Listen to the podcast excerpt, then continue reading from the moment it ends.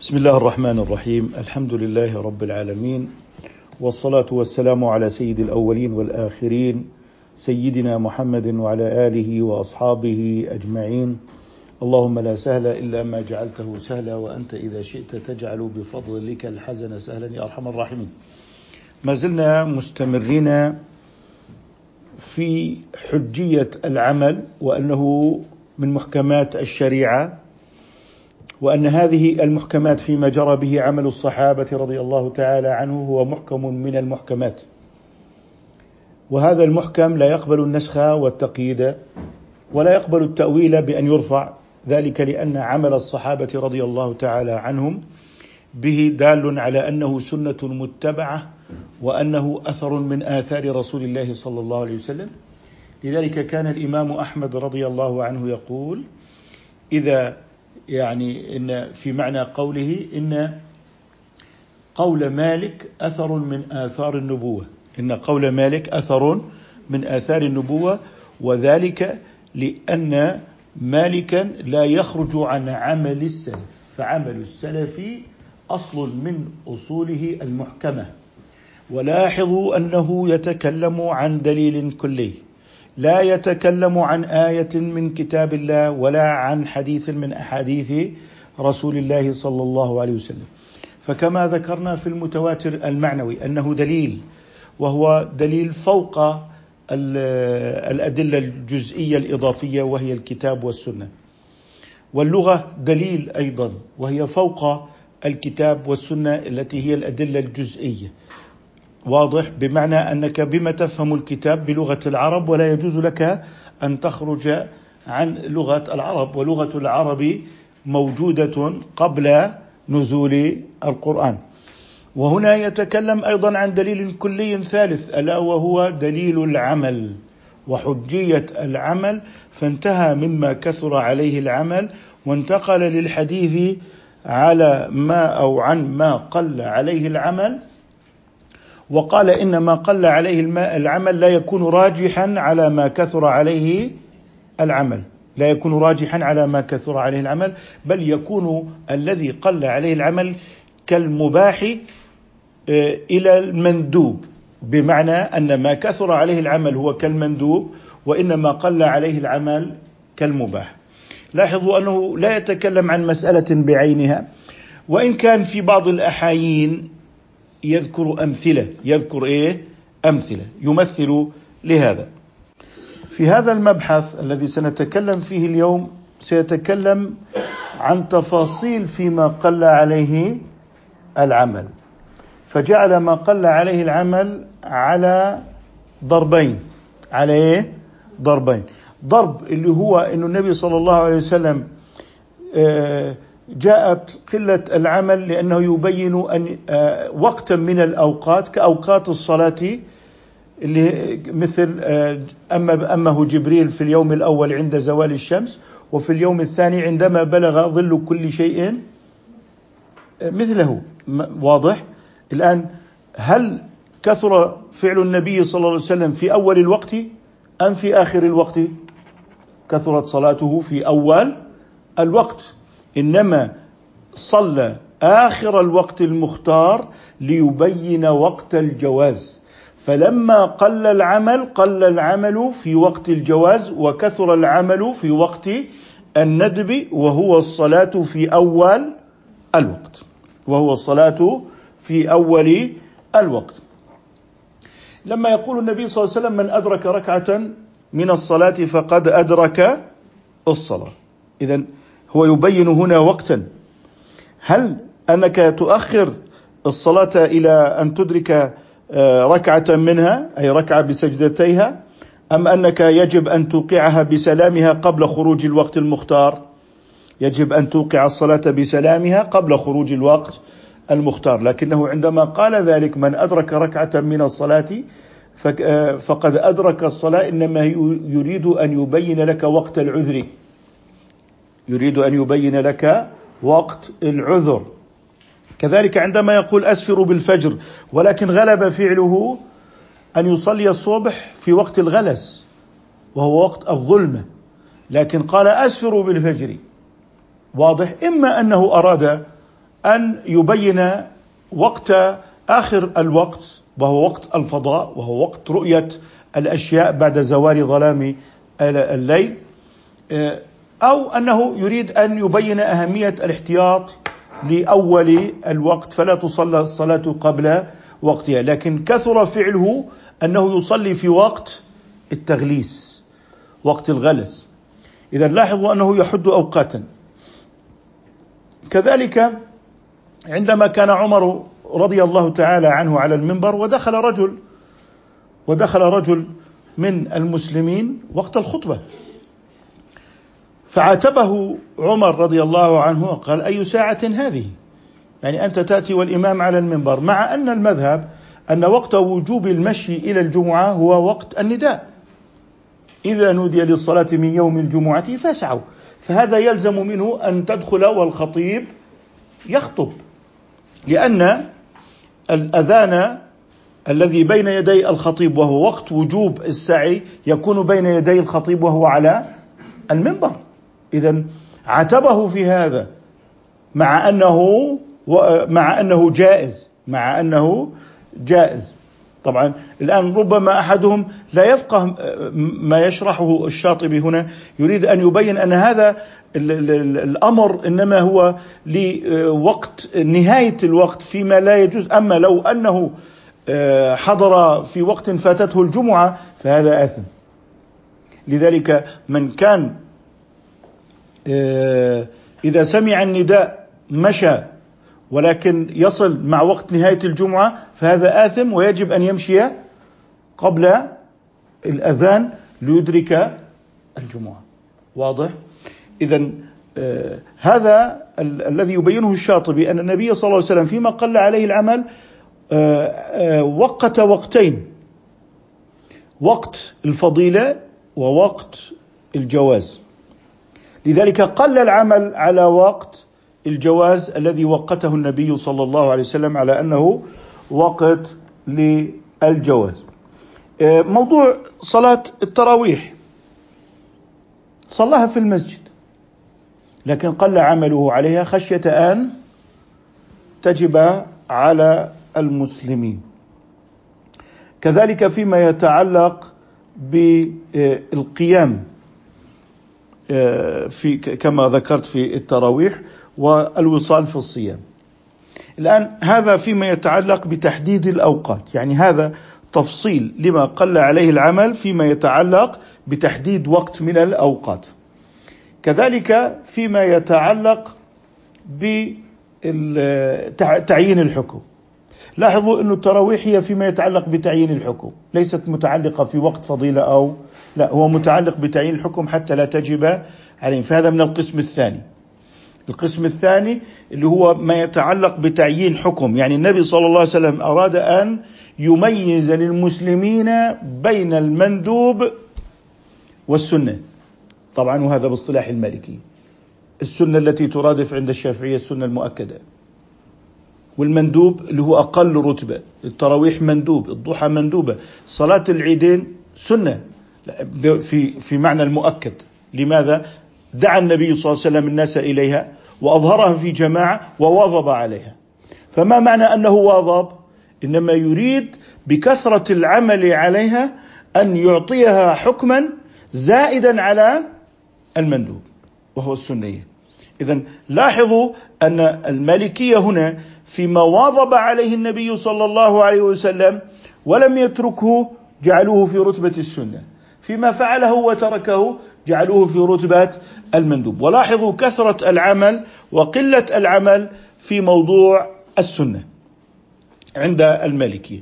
فالإمام الشاطبي صحيح أنه يؤكد أن العمل حجة كما بينت في صلاة الجنازة سابقا أربع تكبيرات وكما بينت في حديث ابن عباس رضي الله تعالى عنه أنه لم يكن من عمل الصحابة رضي الله عنهم أنهم يصلون الظهر والعصر آه، بذريعة اليسر في كل آه، يوم. إنما كان ذلك يعني آه، لواقعة عين فعلها النبي صلى الله عليه وسلم وتحققت هذه الواقعة وتحقق المجمل بإيقاع واحد من أفراده. فلا يجوز أن يتحول المجمل إلى سنة متبعة ثم نأتي إلى البيان الذي هو إن الصلاة كانت على المؤمنين كتابا موقوتا فتصبح سنه مهجورة أو واجب مهجور كما يحدث بانقلابات بين يدي الساعة. أن حديث ابن عباس يصبح هو المحكم الذي عليه عمل بعض الناس والآية الكريمة تصبح مهجورة كما هو حاصل عند بعض آه، العوام اليوم. آه، آه، تقلبات الشريعة. يعني لاحظوا أن الإمام الشاطبي هنا يدقق على ما قل عليه العمل ويجعله أدنى رتبة مما كثر عليه العمل. اذا إما أن تكون قلة العمل لتحديد وقت كما بينا في موضوع أسفروا بالفجر ومن أدرك ركعة من الصلاة وبيان الوقت الاختياري الذي تخرج به الصلاة وقول عمر أي ساعة هذه؟ وما إلى ذلك. الآن التحديد الثاني الذي سيذهب إليه الإمام الشاطبي هو أنه يريد أن يبين أن النبي صلى الله عليه وسلم بقلة العمل وكثرة العمل أراد من قلة العمل أن تكون رتبة العمل أدنى مما عليه كثرات العمل مثل ما يتعلق بصلاة التراويح خشية وجوبها لكن لم يترك صلاة الوتر خشية وجوبها لم يترك صلاة العيدين خشية وجوبها كذلك فيما يتعلق بصلاة الضحى. كذلك فيما يتعلق بايه بصلاة الضحى. عائشة رضي الله عنها لم تكن ترى النبي صلى الله عليه وسلم آه، يصلي آه، الضحى بدليل أنه كان يصليها لكن كان ذلك قليلا منه صلى الله عليه وسلم. كذلك الجماعة في النوافل. كذلك الجماعة في النوافل. فتكره الناف آه، الجماعة في النافلة. طيب عندما تقول لأحدهم تكره الجماعة في النافلة هو إن لم يكن متصورا لمذهب مالك في حقيقة العمل ما كثر عليه العمل وما قل عليه العمل أنه أكثر العمل في الصلوات الخمس في الجماعات في العيدين. لكنه صلى النوافل جماعة لكنه كان في جماعة محصورة ولم يدعى إليها أحد. ولذلك جعل الإمام مالك هذا بحده في القلة. بحده في القلة. فكره أن يدعى الناس إلى صلاة القيام وأن تتحول النوافل كالفرائض وما إلى ذلك فأراد أن يجعل كل سنة بحسب ما وردت فيه. فالنبي صلى الله عليه وسلم قام الليل جماعة في طائفة محصورة ولم يعممها. ولم يتكرر منه. فدل ذلك على إيه؟ الجواز. دل على ذلك الجواز. لكن إذا جعل في مقابله ما كثر عليه العمل أنه يصليها في البيو في البيت وتصلى فرادى تصبح مكروهة. لماذا؟ لأنها تندب أن تصلى فرادى في البيوت وفي السر. واضح؟ فلما خالفت وأظهرتها فهذا هو الكراهة. فهذا هو الكراهة بمعنى أنك تركت ما هو أفضل. لا يمكن أن يفهم مذهب مالك دون أن تفهم أصوله هذه. بل سيصبح عجيبا للناس أن تقول لهم آه، آه، يعني آه، تكره الجماعة في النوافل. هو يريدها مظاهرة أو يريدها أن تكون حالة إعلامية. لا هو الشرع قصد بها الاصرار والحالة الإعلامية موجودة في الجماعة في الظهر والعصر والصبح فما قصده الشارع في موضوع الإظهار أظهره. ما قصده في الإصرار أسره. فلا تغير فلا تغير بحجه المصالح لأن هذه هي أحكام أصلية. لكن آه، مثلا آه، في صلاة التراويح من لم يكن حافظا للكتاب فليأتي إلى المسجد وليصلي مع الناس. لكن من كان من أهل العلم فليصلي في بيته فهذا أفضل له وهذا هو فعل السلف. في عهد النبي صلى الله عليه وسلم وفي عهد أبي بكر رضي الله عنه. لكن عمر لما جمعهم على أبي بن كعب إنما لاحظ حالة الجواز لاحظ حالة الجواز وهي حاجة الناس إلى أن آه، يعني يكون هناك من يؤم بهم وأن يرتب لهم أمر صلاتهم. فهل يكون هذا الجديد الذي فعله عمر أفضل من صلاتها في البيوت على عهد آه، الصحابة أيضا؟ لا يكون أفضل. لا يكون أفضل. بل الأفضل هو صلاتها في البيوت. لذلك في المذهب إن صلاة التراويح في البيوت أفضل. ولكن ما حكمها في المساجد؟ جائزة. إنسان يريد أن يراجع القرآن فليصلي في بيته وهو أفضل. اذا لاحظوا من أين يستمد الإمام الشاطبي مادته. صحيح وكما أقول صحيح أنه يأتي بأصل متفق عليه عند المذاهب لكنه يجد المادة زخمة وكثيرة وواضحة في المذهب فيدعم دليل كل المذاهب بمادة من مذهب مالك وكلهم إلى مدينة رسول الله صلى الله عليه وسلم. مرجعهم. لا تجد أحدا يريد أن يعتد بمذهب بلده ولا يعتد بمذهب أهل المدينة. إذا الوصال في الصوم. الصحابة واصلوا. رضي الله تعالى عنهم، لم يكونوا عصاة لرسول الله صلى الله عليه وسلم عندما نهاهم.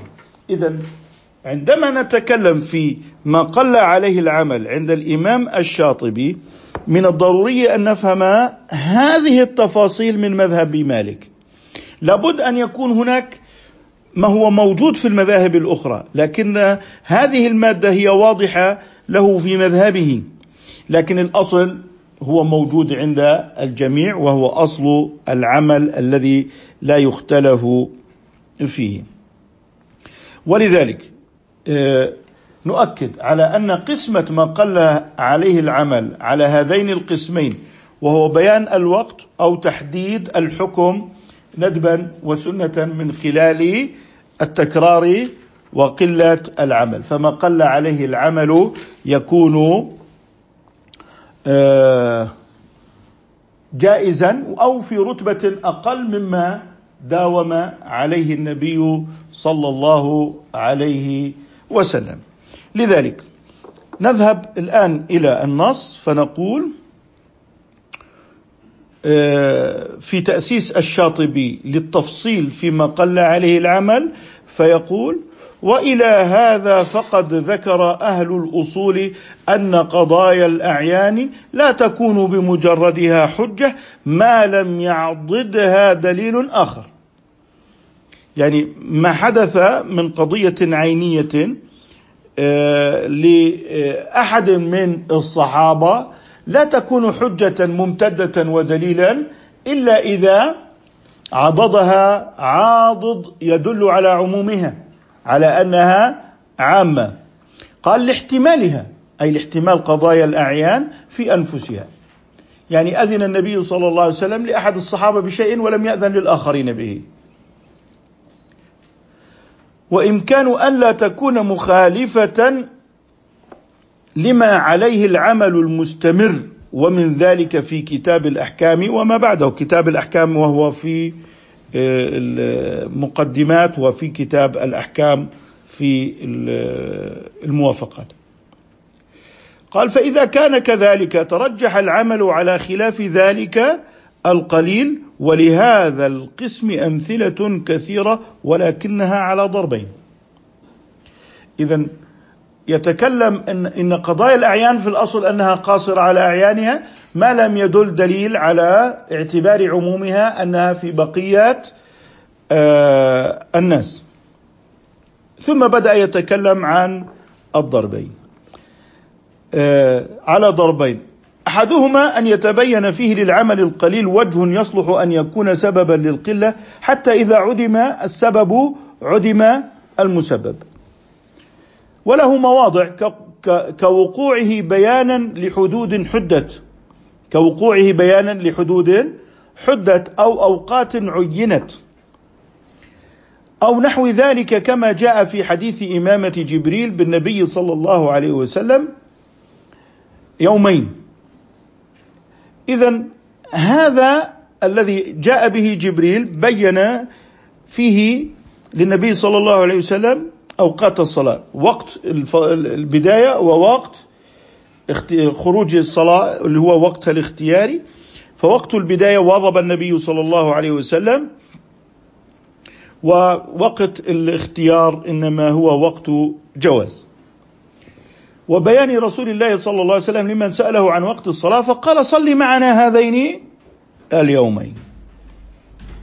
فصلاته فصلاته في اليوم في أواخر الأوقات اللي هو اليوم الثاني وقع موقع البيان لآخر وقت الاختياري الذي لا يتعدى ثم لم يزل مثابرا على أوائل الأوقات إلا عند عارض كالإبراد في شدة الحر. والجمع بين الصلاتين في السفر وأشباه ذلك. اذا هل المحافظة على أول الوقت الاختياري هي السنة المتبعة التي عليها كثرة العمل أم الصلاة في آخر الوقت الاختياري؟ الصلاة في أول الوقت الاختياري هي التي كثر عليها العمل. تمام؟ أما في وقت الذي هو الوقت الثاني اللي هو الذي تخرج به الصلاة عن وقتها الاختياري فهذا قل عليه العمل. أو أن النبي صلى الله عليه وسلم صلاه لعارض كالإبراد كالإبراد في الحر مثلا وكالجمع بين الصلاتين في السفر وأشباه ذلك وهذا هو الذي قل عليه العمل. لذلك الأفضل دائما صلاته في الوقت سواء في المطر أو في السفر. الأفضل الصلاة في الوقت لأن هذا كثر عليه العمل. طب فعل النبي صلى الله عليه وسلم وقد قل عمله في هذا؟ نقول إنما هو لبيان الجواز والجواز لا يكون أفضل من المندوب. واضح؟ لأنه قال قلة العمل كالجائز وما كثر عليه العمل كالمندوب. ولاحظوا هذا التفصيل الدقيق في فهم السنة. يعني ليست القضية في موضوع السنة قضية تعبئة عامة وحشد شعبي لا هذه معان دقيقة في فهم سنة النبي صلى الله عليه وسلم. وقد يؤدي سوء فهمها إلى قلب السنة. أن يصبح ما كثر عليه العمل مهجورا وما قل عليه العمل متبوعا وهذا هجر للسنة. وهذا هجر للسنة. قال وكذلك قوله من أدرك ركعة من الصبح قبل أن تطلع الشمس فقد أدرك الصبح بيان لأوقات الأعذار لا مطلقا. تمام؟ مثل حائض طهرت حالات للإنسان كان مغمى عليه. اذا لاحظ أن هذا البيان إنما هو في حالات استثنائية ولو قلت أنني سأجعله سنة متبوعة انقلبت الشريعة. انقلبت. لكن موجود بالسنة؟ نعم موجود بالسنة. موجود. يعني الآن لو قلنا نريد أن نصلي في آخر الوقت جائز أم لا؟ جائز. ما الذي حصل؟ لو داومنا هدمنا ما كثر عليه العمل. انقلبت السنة أم لا؟ صار ما كثر عليه العمل مكروه أو جائز؟ وما قل عليه العمل ماذا حصل له؟ صار سنة. أليس هذا من الانقلاب؟ هذا هو من الانقلاب. لكن يوجد عليه دليل أم لا؟ يوجد عليه دليل. وفعله النبي صلى الله عليه وسلم. قال ومن أجل ذلك يفهم أن قوله عليه الصلاة والسلام أسفروا بالفجر مرجوح بالنسبة إلى العمل على وفقه وإن لم يصح فالأمر واضح. يعني النبي صلى الله عليه وسلم قال أسفروا بالفجر. ما مذهب مالك؟ التغليس بالصبح وهو صلاتها في الليل. طيب حديث أسفروا بالفجر تعامل معه على أنه حديث صحيح، اذا النبي صلى الله عليه وسلم في أسفر بالفجر يبين وقت الجواز لكن كثر عمله على أنه كان يصلي بغلس. طيب هذا جائز وهذا هو المندوب. هذا فيه رخصة وتيسير وهذا فيه؟ العزيمة والمبادرة إلى الطاعات في أول الوقت.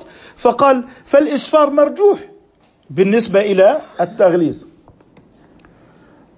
بالنسبة إلى العمل على وفقه هذا إذا اعتبرنا حديث أسفر بالفجر صحيحا. قال وإن لم يصح أي حديث الإسفار. يعني إذا لم يصح حديث الإسفار فالأمر واضح أنه ليس عليه عمل وأيضا إيه؟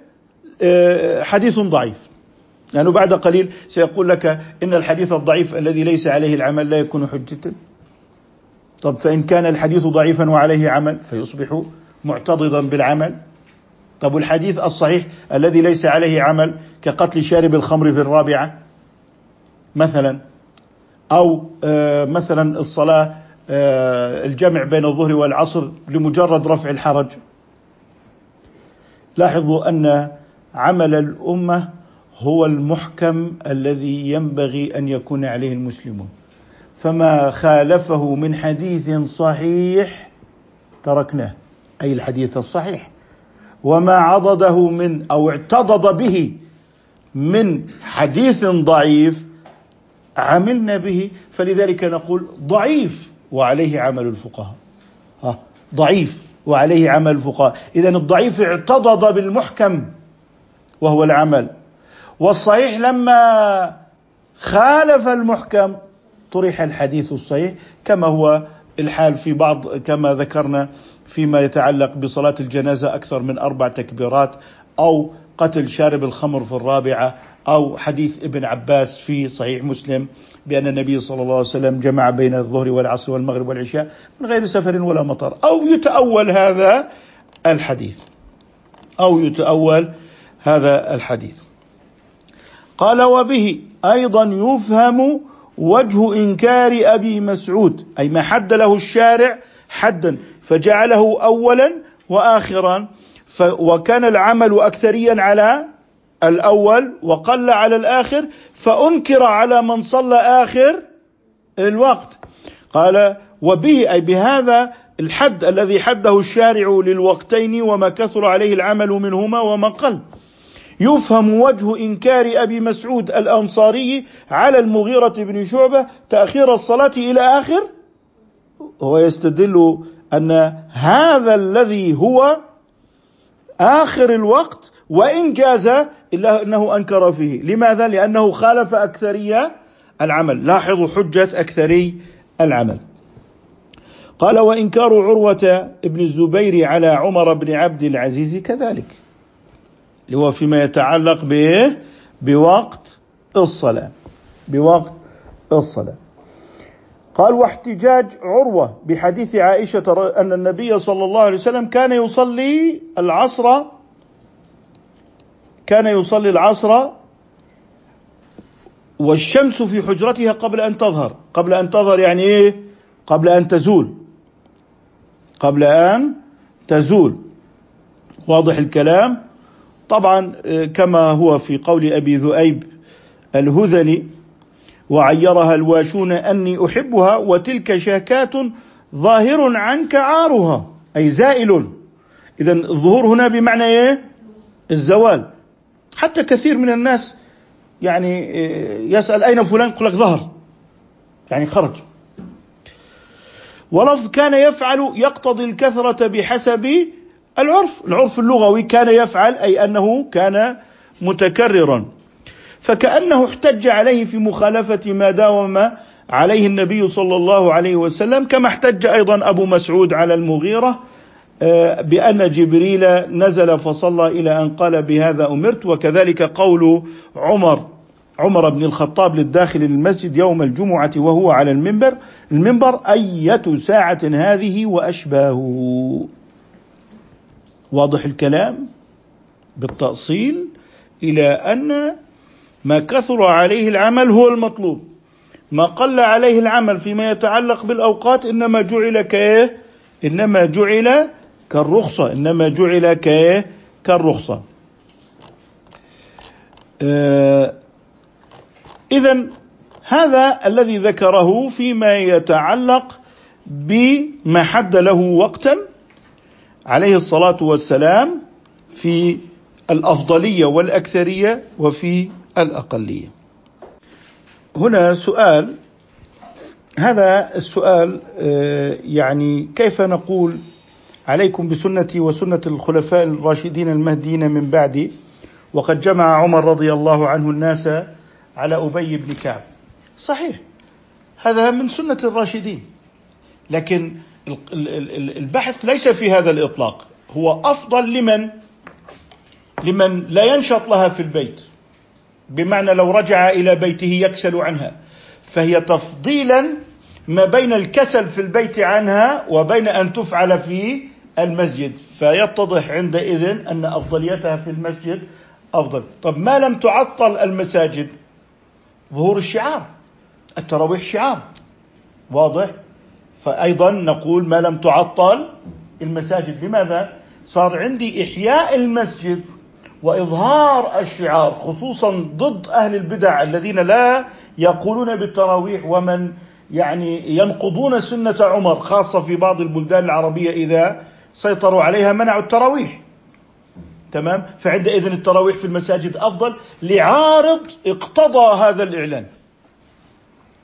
في الأحكام الأصلية كثرة العمل في البيوت. واضح؟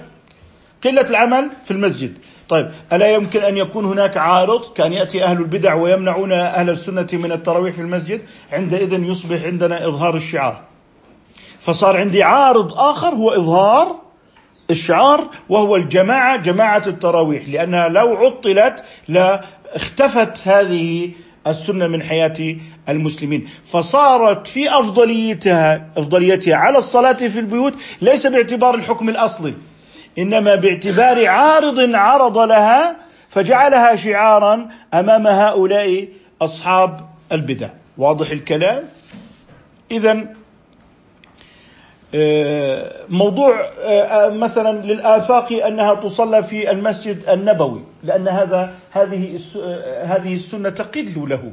لا يجدها عندما يرجع إلى بلده. لا يجد مرجعا عندما يرجع إلى بلده أنه يعني يصلي التراويح في مسجد النبي صلى الله عليه وسلم. فهي بالنسبة لهذا الآفاق هي قليلة في العمل. بالنسبة للآفاق هي لن يصليها إلا وهو في المدينة وهذا قليل. وبقي العمل على حده في الايه؟ في القلة. وبقي العمل على حده في إيه؟ في القلة. اذا قضية التراويح في المسجد النبوي للافاقيه بقيت على حدها في القلة. لأنه افاقي ولن تتكرر منه كثيرا. واضح الكلام. اذا بقي ما, ما, ما هو في المذهب؟ مفهوما في ضوء حكم ما قل عليه العمل وأنه لا ينزع عنه السنية. في هذا الذي بينه لكن أو, أو الجواز عفوا لا ينزع عنه الجواز ضمن السنة بمعنى أنه ليس حراما وليس بدعه. يعني ما قل عليه العمل ليس حراما وليس بدعة. واضح الكلام. فلذلك أبقى المنظومة السنية أنها ما كثر عليه العمل حافظ عليه أنه هو الأفضل. ما قل عليه العمل جعله في رتبة الجواز أو ما فيه المعاتبة أو ما فيه الكراهة أو أنه خاص بعذر مثل من أدرك ركعة من الصلاة فقد أدرك الصلاة. اذا ليس معنى أنني قد وجدت حديثا فتلقفته وقلت هذا كلام رسول الله صلى الله عليه وسلم ولا يجوز لأحد أن يخرج عليه. ثم بعد ذلك أصطدم بحديث آخر ثم تتهادم الشريعة من داخلها بسبب انعدام أصول السنة. وبالتالي أن تعرض السنة على الأدلة الكلية. أن تعرض السنة. هذا حديث أن النبي صلى الله عليه وسلم صلى النافلة في البيت جماعة بصحبة أشخاص محصورين. يلا أعلان صلاة الجماعة. طب هل عرضته على الأدلة الكلية ما كثر عليه العمل وما قل عليه العمل؟ لقد ألغيت سنة ما كثر عليه العمل. إذا أنت أردت أن تأخذ وتصطدع لنفسك سنة وألغيت سننا. لذلك هذا الذي يحدث بين يدي الساعة هو عدم عرض النصوص الجزئية على الأدلة الكلية. من الأدلة الكلية العمل. قد يكثر قد يقل قد لا يوجد. اللغة كما ذكرت. المتواتر المعنوي الذي تواترت عليه الآيات الكثيرة. لذلك هذا التأصيل من قبل الإمام الشاطبي فيما يتعلق بدليل كلي هو إيه؟